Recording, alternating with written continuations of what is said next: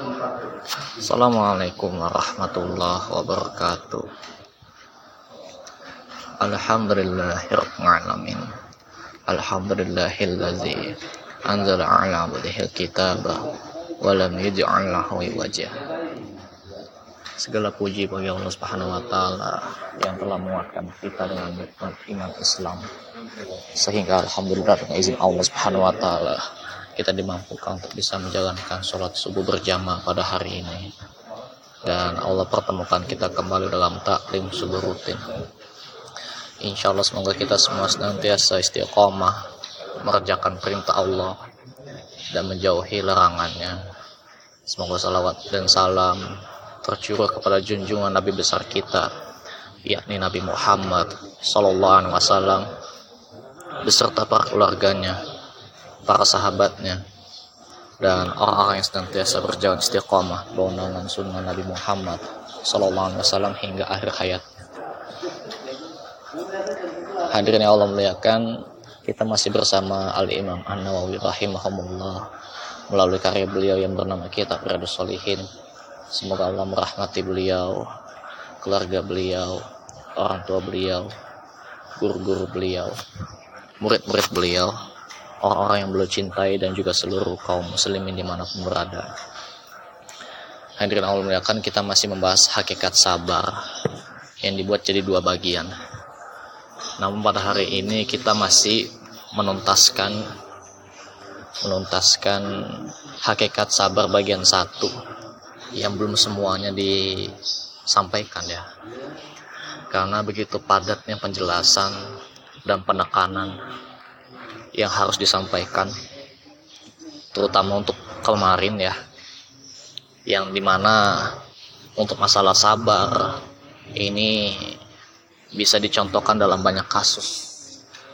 Yang tentu saja kita semua di bulan Ramadan ini sedang berusaha untuk menjalani itu yaitu sabar juga. Sabar dalam menahan lapar dan haus termasuk sabar dalam hal ketaatan. Dalam melakukan ketaatan tentunya kita harus punya kesabaran untuk menjalani setiap step by step ibadahnya itu sendiri. Karena di balik ibadah itu ada masyakoh. Masyakoh ini di, dijelaskan oleh Ustadz Abu Haidar itu adalah penderitaan. Oh, bahasa lainnya kesulitan, rumitnya kita dalam melakukan sesuatu karena setiap ibadah itu pasti ada kesulitan tersendiri. Dan misal contoh tentang sholat. Bersusah payahnya kita untuk mencari imam sholat raweh yang khusyuk sholatnya itu sudah sudah merupakan kesulitan tersendiri. Lalu setelah itu dengan sholatnya. Sholatnya kadang uh, misalnya sholatnya di tempat yang tidak ada pendinginnya gitu ya. Nggak ada kipas nggak ada AC sehingga kita sholat rame-rame terawih di situ kadang engam. Karena banyak hawa-hawa orang gitu ya. Habis makan gorengan nasi gitu. Terus ke bawah-bawah dalam ruangan masjid yang nggak ada pendinginnya misalnya sehingga bikin suasana panas. Dan suasana panas ini kan kadang membuat sebagian orang merasa ingin cepat-cepat mengakhiri sholat. Namun jika dia bersabar dan menunaikan dengan tumak nina insya Allah dia bisa lulus dalam ujian kesabaran dalam ketaatan. Dan kemarin kita sudah jelaskan tiga macam sabar ya. Dan macam-macamnya ini tergantung kondisi. Pertama sabar di dalam ketaatan sabar dalam menahan diri dari perbuatan maksiat, dan sabar dikala menghadapi musibah. Yang sebetulnya kadang untuk masalah yang ketiga ini dikait-kaitkan dengan sabar dalam menahan diri dari maksiat. Dan hari ini kita akan bahas lanjutan. Kalau kemarin kita sudah sampai sabar di atas Islam, yang bahwasannya kita semua sangat paham. Ini masuknya dalam hal akidah, di mana setiap orang yang memiliki ujian terutama masalah agama. Pastinya dia akan disakiti pastinya dia akan dicaci atau bahkan dikucilkan. Ketika dia bergerak di atas sunnah Nabi Muhammad SAW dia akan dibenci oleh ahli bid'ah atau dibenci oleh pengikut hawa nafsu yang selalu punya komentar miring tentang orang tersebut maksudnya orang yang orang yang berdiri di atas sunnah Nabi Muhammad SAW sekarang kita akan jelaskan sabar dalam menjauhi maksiat. Ya ini masih merupakan hakikat sabar bagian satu. Insya Allah hari ini kita tuntaskan dan kalau masih punya waktu lebih kita mungkin bisa sedikit bahas hakikat sabar bagian dua sebelum kita menuntaskan ayat demi ayat di kitab Riyadus Salihin supaya kita bisa memahami bagaimana itu kesabaran itu supaya kita tidak mudah untuk mengambil kesimpulan yang keliru dalam suatu permasalahan ilmu agama. Hadirin Allah muliakan, Syekh Zaid bin Muhammad bin Hadi al-Makh al-Madkhali mengatakan bersabar menahan diri dari maksiat kepada Allah sehingga dia berusaha menjauhi kemaksiatan karena bahaya dunia, alam kubur, dan akhirat siap menimpanya apabila dia melakukannya. Dan tidaklah umat-umat terdahulu binasa kecuali karena disebabkan kemaksiatan mereka sebagaimana hal itu dikabarkan oleh Allah Azza wa Jalla di dalam muhkam Al-Qur'an. Di antara mereka ada yang ditenggelamkan oleh Allah ke dalam lautan. Ada pula yang binasa karena disambar petir. Ada pula yang dimusnahkan dengan suara yang mengguntur. Dan ada juga di antara mereka yang dibenamkan oleh Allah ke dalam perut bumi. Sebagaimana yang fenomenal itu ya kaumnya itu ya korun ya yang katanya harta beliau eh harta dia dan dianya juga tenggelam dan ada juga di antara mereka yang dirubah bentuk fisiknya atau dikutuk gitu.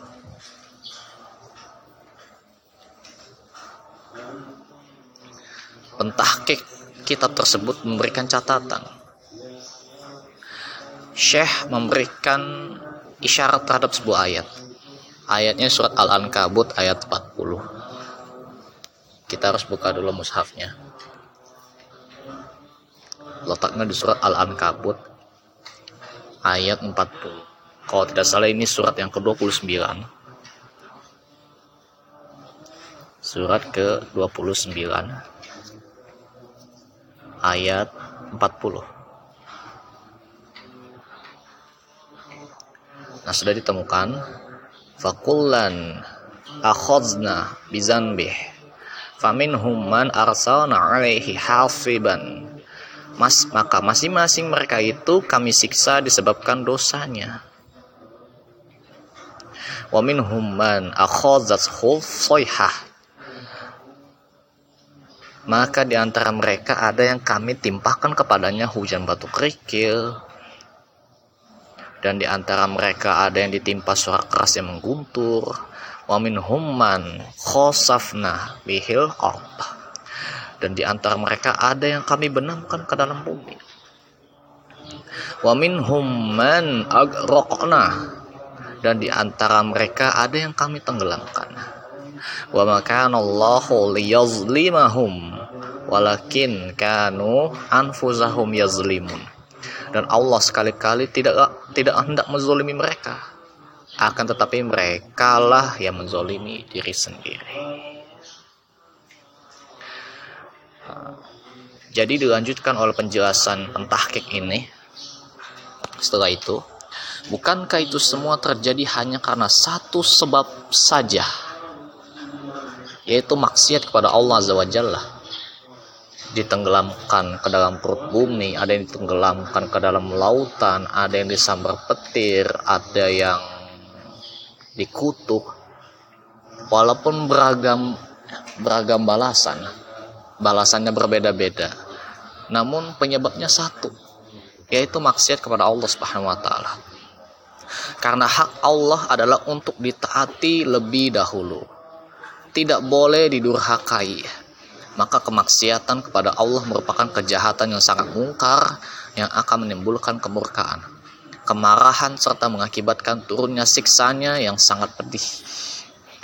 Jadi, salah satu macam kesabaran adalah bersabar untuk menahan diri dari perbuatan maksiat kepada Allah. Janganlah mendekatinya. Dan apabila seseorang sudah terlanjur terjatuh di dalamnya, nah, hendaklah dia segera bertaubat kepada Allah dengan taubat nasuha, dengan taubat yang murni, sungguh-sungguh, meminta ampunan dan menyesalinya di hadapan Allah Subhanahu wa taala. Dan hendaknya dia mengikuti kejelekan-kejelekannya dengan berbuat kebaikan-kebaikan. Maksudnya maksudnya penjelasan beliau ini adalah kalau sudah berbuat buruk, maka konsekuensi tau bukti dia bertaubat adalah langsung lakukan kebaikan-kebaikan yang bisa menggugurkan kejelekan tersebut. Sebagaimana difirmankan Allah Subhanahu wa taala dalam Al-Qur'an surat Hud ayat 114. Surat Hud ayat 114.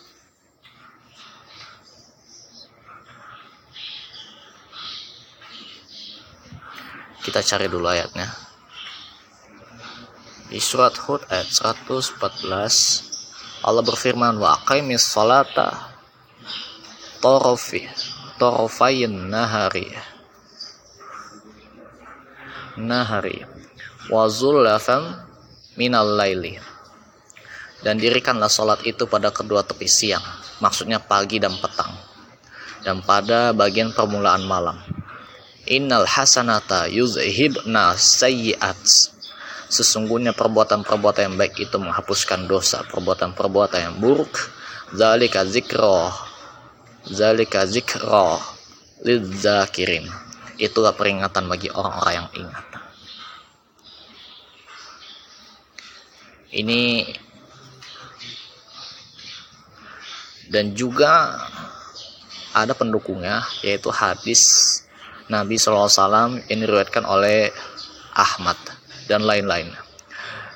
Nabi SAW bersabda, ikutilah kejelekan dengan kebaikan, niscaya kebaikan itu akan menghapuskannya.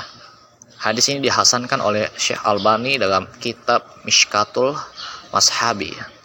Nah, begitu jelasannya. Itu sabar dalam menjauhi maksiat. Lalu ada macam sabar lainnya yang tidak disebutkan dalam ketiga-tiganya, namun ini masih sangat berkaitan, yaitu sabar menerima takdir. Syekh Zaid bin Muhammad bin Hadi al-Madkhali mengatakan, macam ketiga dari macam-macam kesabaran itu adalah bersabar dalam menghadapi takdir dan keputusan Allah serta hukumnya yang terjadi pada hamba-hambanya.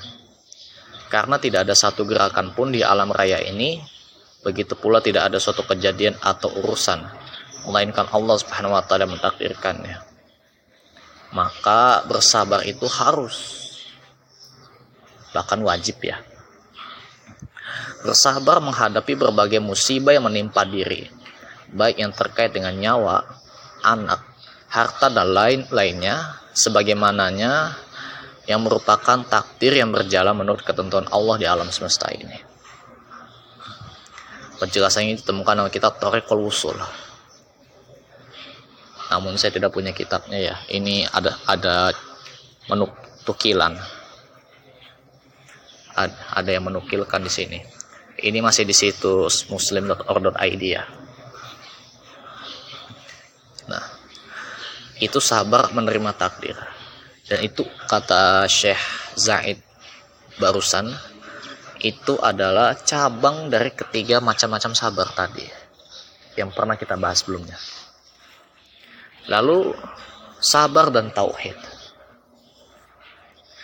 Nah ini dijelaskan oleh Syekh Al-Imam Al-Mujaddid Al-Musleh Muhammad bin Abdul Wahab rahimahullah ta'ala membuat sebuah bab dalam kitab Tauhidnya. Kitab Tauhid beliau yang berjudul Bab Minal Iman Billah As-Sabru ala Aqdarillah yaitu bab bersabar dalam menghadapi takdir Allah termasuk cabang keimanan kepada Allah Subhanahu wa taala. Syekh Saleh bin Abdul Azi al-Syekh Hafizahullah Ta'ala mengatakan dalam penjelasannya tentang bab yang sangat berfaedah ini beliau menjelaskan sabar tergolong perkara yang menempati kedudukan agung di dalam agama. Ia termasuk salah satu bagian ibadah yang sangat mulia. Ia menempati relung-relung hati gerak-gerik lisan dan tindakan anggota badan Sedangkan hakikat pemahambaan yang sejati tidak akan terrealisasi tanpa kesabaran. Hal ini dikarenakan ibadah merupakan perintah syariat. Perintah syariat untuk mengerjakan sesuatu. Atau berupa larangan syariat untuk tidak mengerjakan sesuatu. Atau bisa juga berupa ujian dalam bentuk musibah yang ditimpakan Allah kepada seorang hamba supaya dia mau bersabar ketika menghadapinya.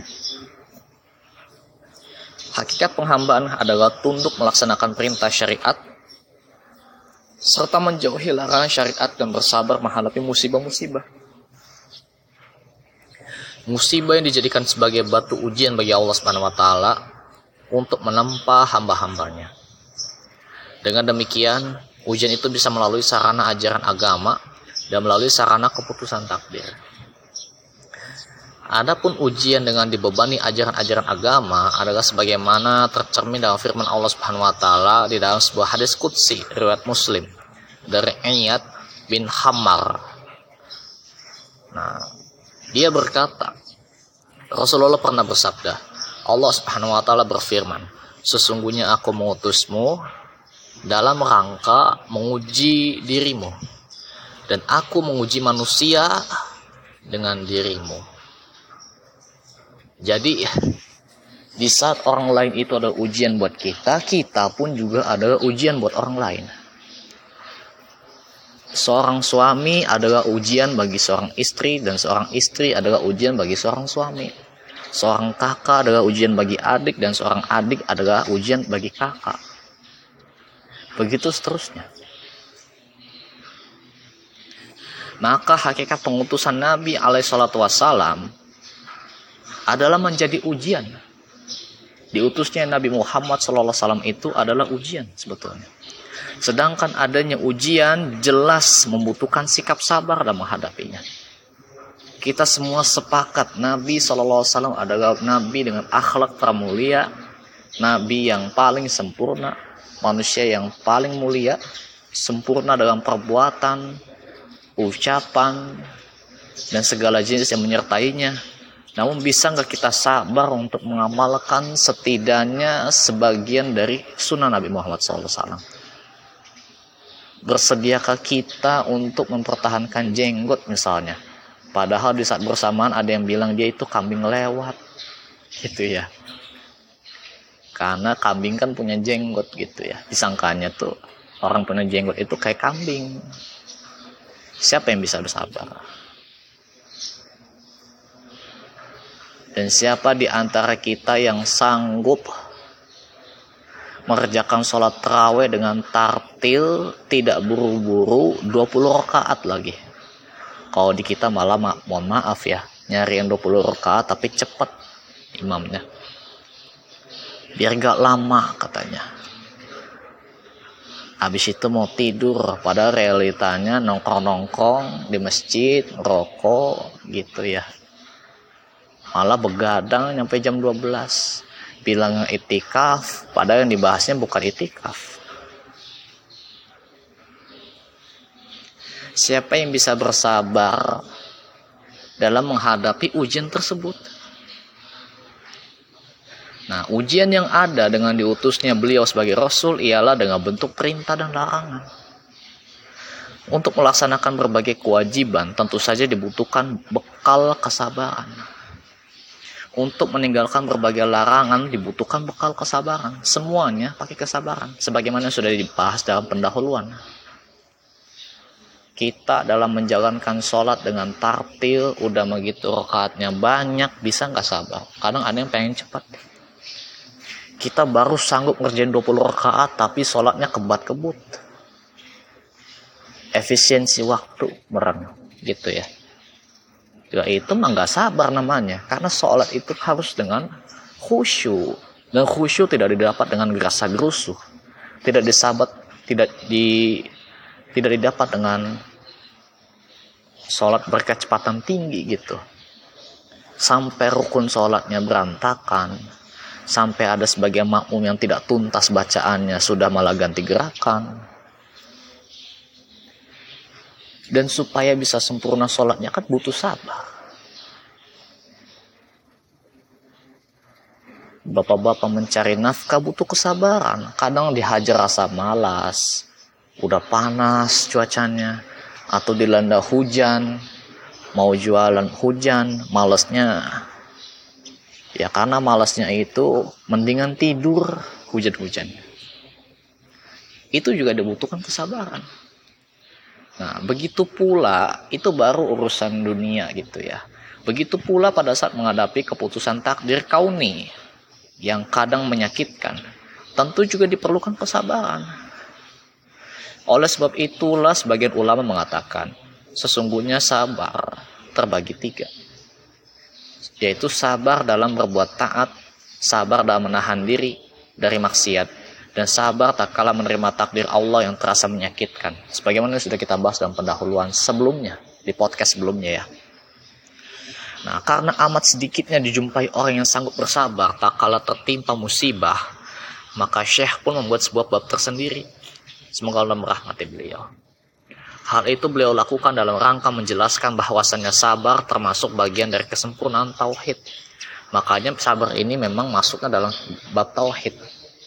Nah makanya kenapa di Radu Solihin ini dibahasnya dalam bab ketiga karena untuk menjalani bab-bab berikutnya yaitu untuk jujur untuk tawakal untuk memiliki perasaan murokobah dibutuhkan kesabaran dan kesabaran itu dipakai ketika sebuah latihan.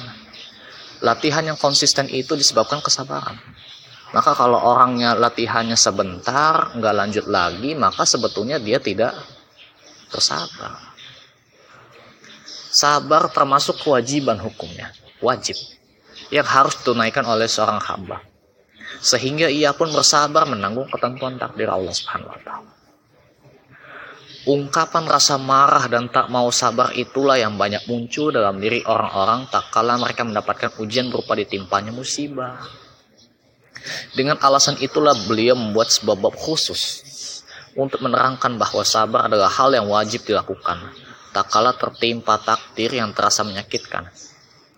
Dengan hal itu, beliau juga ingin memberikan penegasan bahwa bersabar dalam rangka menjalankan ketaatan dan meninggalkan kemaksiatan hukumnya wajib. Gitu. Nah di sini ada penjelasan bah sabar secara bahasa secara bahasa sabar artinya tertahan orang Arab mengatakan kutila fulan sobron kutila fulan sobron. Maksudnya adalah si fulan dibunuh dalam keadaan sabar, sobr.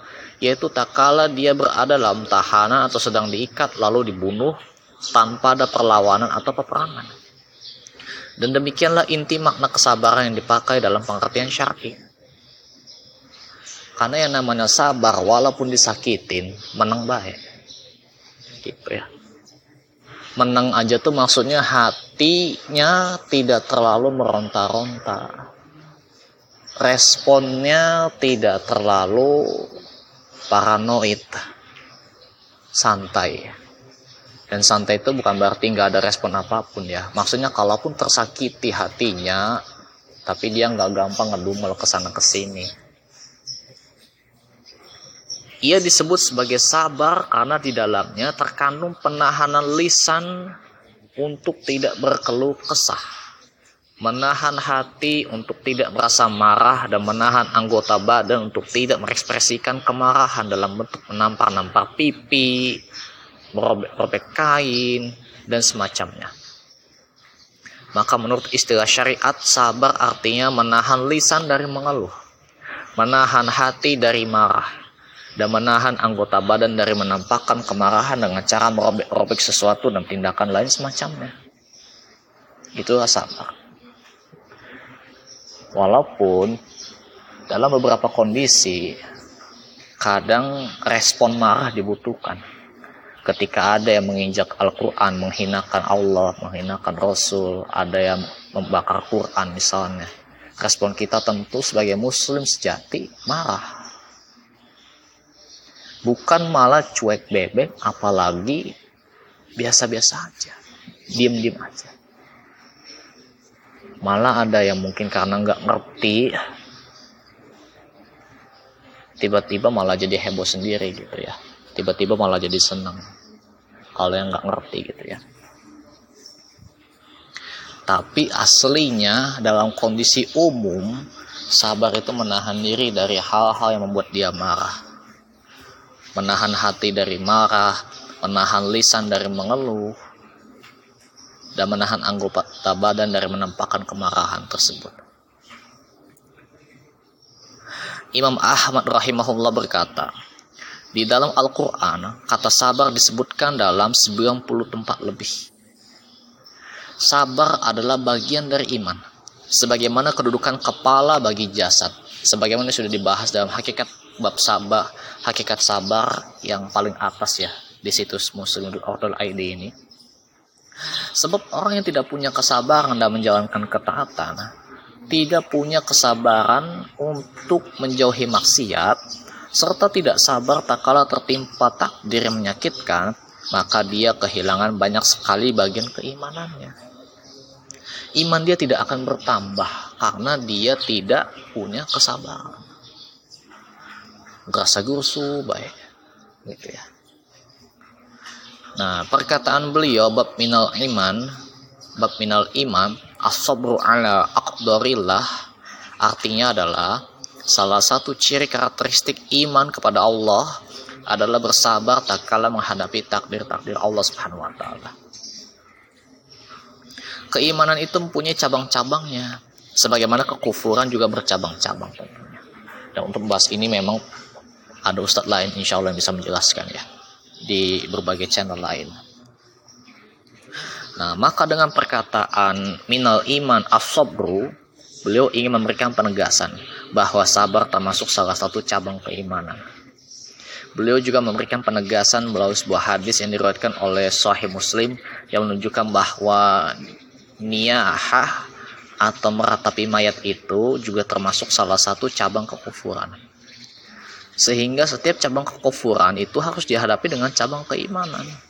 Meratapi mayat adalah sebuah cabang kekafiran, maka dia harus dihadapi dengan sebuah cabang keimanan yaitu bersabar terhadap takdir Allah yang terasa menyakitkan. Itu selengkapnya dalam hakikat sabar bagian satu. Dan insya dan kita akan lanjut dengan hakikat sabar bagian dua. Yang insya Allah mungkin tidak banyak kita sebutkan hari ini. Kita sebutkan sebagian untuk dituntaskan besok insya Allah kalau masih ada waktu. Kalau sudah tidak ada waktunya maksudnya. Kita lanjut. Huk masih di situs muslim.org.id yang saya baca ini. Namun bagian 2 ada penjelasan berikutnya yaitu hukum merasa ridho terhadap musibah. Hukum merasa ridho terhadap musibah. Syekh Saleh Al-Syekh Hafizahullah Ta'ala menjelaskan hukum merasa ridho dengan adanya musibah adalah mustahab, sunnah, bukan wajib. Saya ulang ya, supaya tidak salah paham. Hukum merasa ridho dengan adanya musibah adalah mustahab atau sunnah maksudnya, hukumnya. Bukan wajib. Oleh karena itu banyak orang yang kesulitan membedakan antara ridho dengan sabar. Sedangkan kesimpulan yang pas itu adalah sebagai sebagaimana ini. Bersabar menghadapi musibah itu hukumnya wajib. Dia adalah salah satu kewajiban yang harus ditunaikan.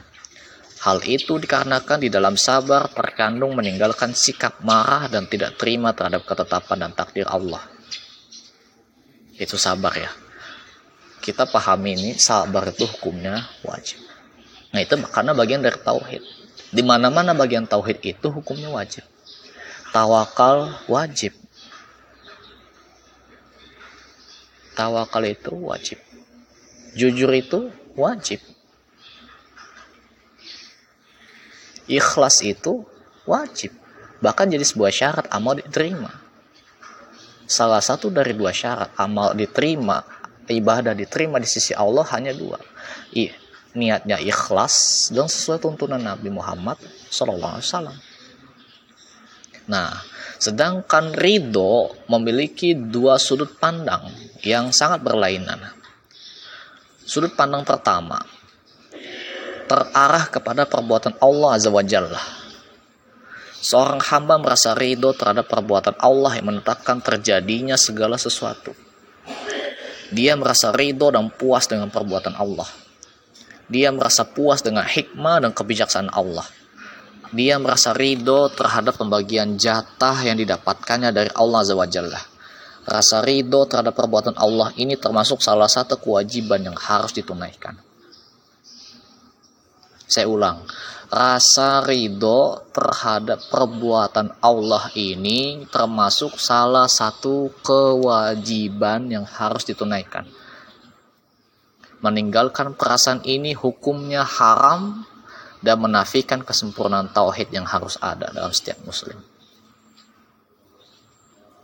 Itu sudut pandang pertama. Sudut pandangnya dari segi arah perbuatan Allah Azza wa Jalla. Gitu. Karena banyak cabang ya, makanya kudu harus dipahami betul-betul mungkin barangkali yang sambil sedang beraktivitas dimohon untuk tinggalkan dulu aktivitasnya ya supaya dengar podcastnya ini tidak salah paham. Nah sudut pandang yang kedua terarah kepada kejadian yang diputuskan yaitu terhadap musibah itu sendiri.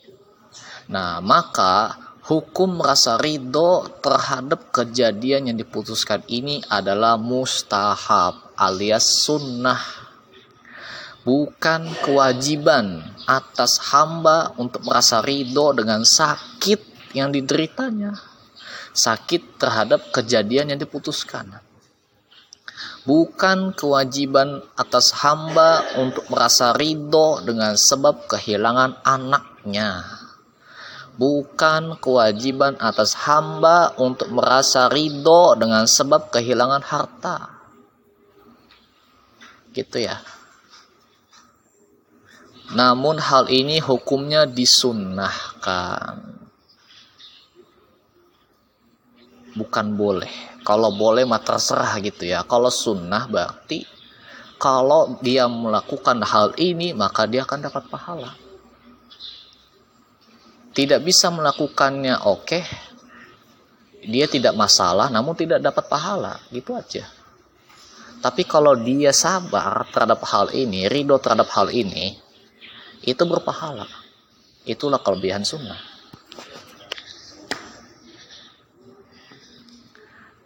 Oleh sebab itu, dalam konteks ridho yang hukumnya wajib itu, Al-Qamah mengatakan, ayat ini berbicara tentang seorang lelaki yang tertimpa musibah, dan dia menyadari bahwa musibah itu berasal dari sisi Allah.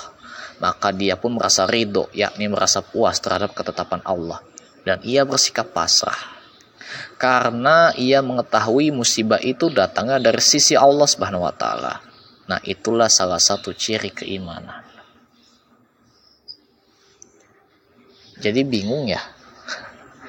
Nah, makanya dua makanya dibedah dalam dua sudut pandang barusan. Dari sudut pandang pertama tuh arahnya kepada perbuatan Allah Subhanahu wa taala. Seorang suami istri dikasih anak perempuan padahal pengennya laki-laki. Bagaimana hukumnya? Hukumnya wajib untuk menerima. Dia nggak bisa bilang ya Allah kenapa ya saya nggak dikasih anak laki-laki? Kok malah perempuan? Maunya saya laki-laki. Gitu. Kalau punya sikap ngeluh begitu berarti itu haram. Karena itu termasuk perbuatan Allah Subhanahu Adapun kehilangan anak, misalnya karena dibunuh oleh pembunuh, maka hukumnya mustahab disunahkan untuk merasa ridho terhadap perbuatan atau kejadian dari musibah tersebut. Dan mungkin untuk lebih jelasnya silakan ke ustadz lain yang membahas masalah ini. Supaya paham penjelasannya seperti apa. Itu sabar dan tauhid. Lalu yang berikutnya adalah sabar dan syukur. Dari Abu Yahya Suhaib bin Sinan radhiyallahu anhu beliau mengatakan dalam hadis surat Muslim Rasulullah pernah bersabda sungguh menakjubkan urusan orang yang beriman semua urusannya adalah baik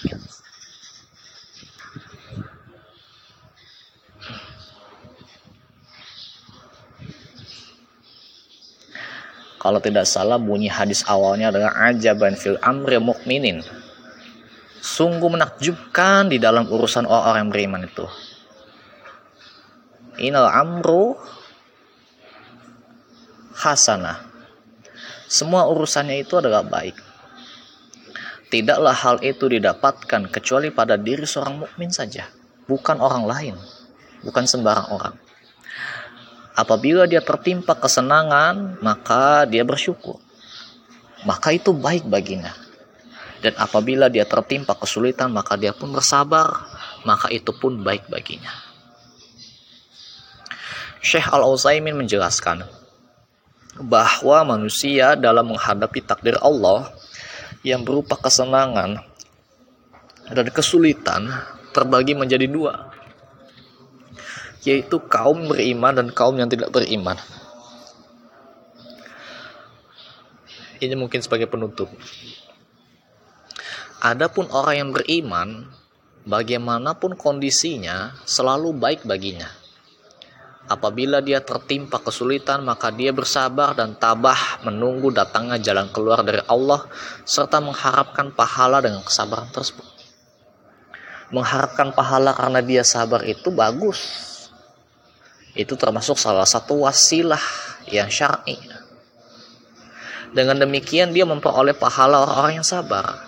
Maka ini baik baginya. Sedangkan apabila seorang mukmin menerima nikmat dunia maupun duniawi, maka dia bersyukur yaitu dengan melaksanakan ketaatan kepada Allah Subhanahu wa taala. Karena syukur itu bukan cuman sekedar lisan di mulut alhamdulillah begitu ya akan tetapi harus dilengkapi dengan melaksanakan berbagai ketaatan kepada Allah Subhanahu wa taala. Itu kabar syukur yang asli. Sehingga orang yang beriman memiliki dua nikmat ketika mengamal, e, mengalami kesenangan, yaitu nikmat dunia dengan merasa senang dan nikmat agama dengan bersyukur.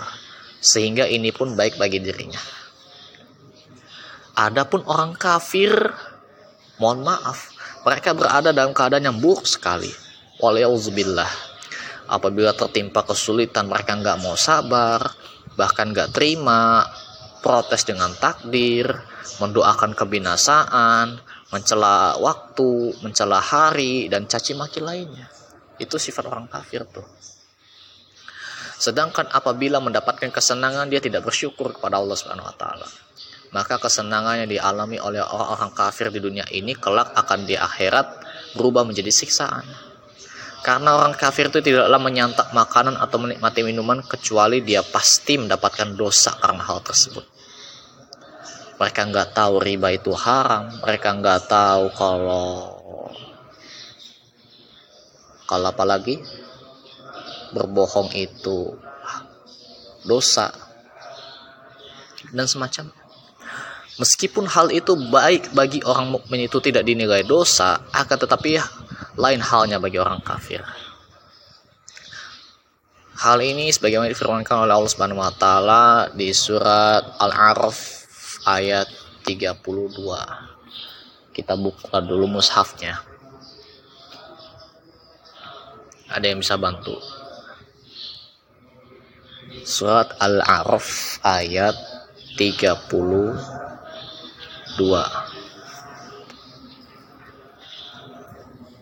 ya tiga ayat 32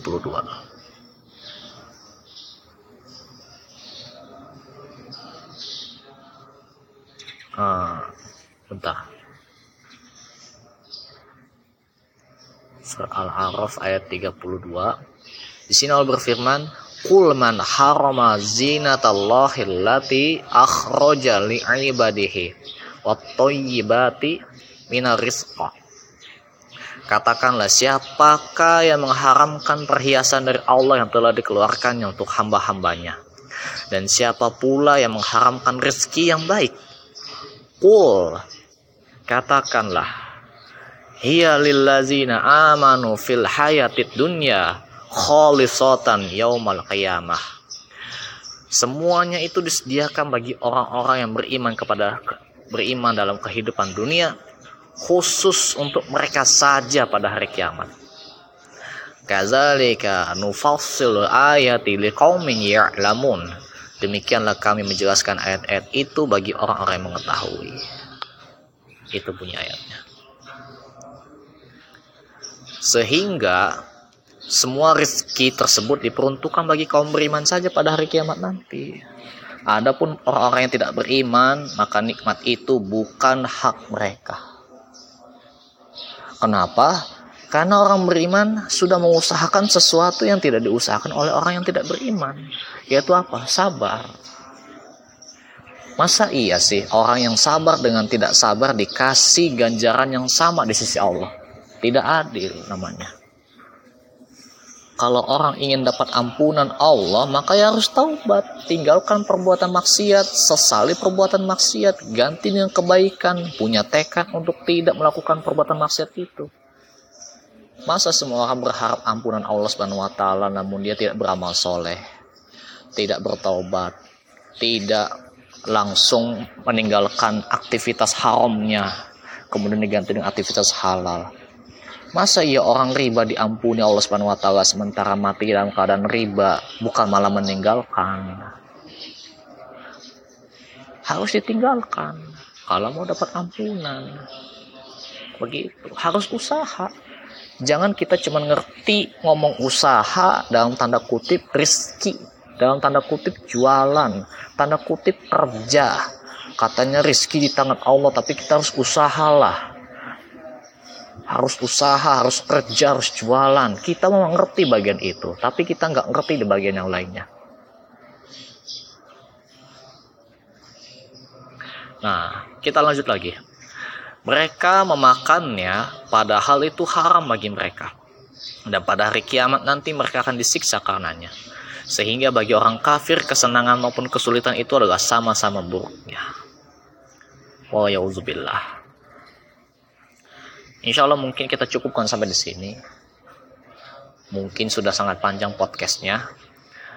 Insya Allah besok kita akan bahas masih di bagian sabar bagian 3, eh bagian 2. Hakikat sabar bagian 2. Dengan judul hikmah di balik musibah. Dan semoga insya Allah besok kita menuntaskan hakikat sabar bagian 2 ini. Setelah itu barulah kita masuk ayat demi ayat dan hadis-hadis Nabi SAW di kitab Riyadus Salihin. Mungkin itu yang bisa disampaikan. Kurang lebihnya mohon maaf. Dan jika memang ada penjelasan yang belum mengena, belum jelas, bisa cari sumbernya lewat ustadz lain yang membahas kitab ini atau lewat ustadz-ustadz lain yang tentu sudah sangat memahami pembahasan tauhid. Ya tentu kalau untuk saya pribadi saran saya sarankan untuk belajar di channel Tarbiyah Sunnah atau di channel-channel yang membahas masalah akidah. Ada juga di channel ANB channel, ada juga di di channel YouTube Muhammad Uzul Zikri yang kebetulan hari ini sampai sekarang masih running pengajian Riyadus Solihin tiap pagi. Mungkin itu saja yang bisa disampaikan, kurang lebihnya mohon maaf dan sebelum kita tutup marilah kita tutup dengan doa kifaratul majelis subhanallah bihamdihi subhanakallahumma wa bihamdika asyhadu an la ilaha anta astaghfiruka wa atubu ilaik Wassalamualaikum warahmatullahi wabarakatuh.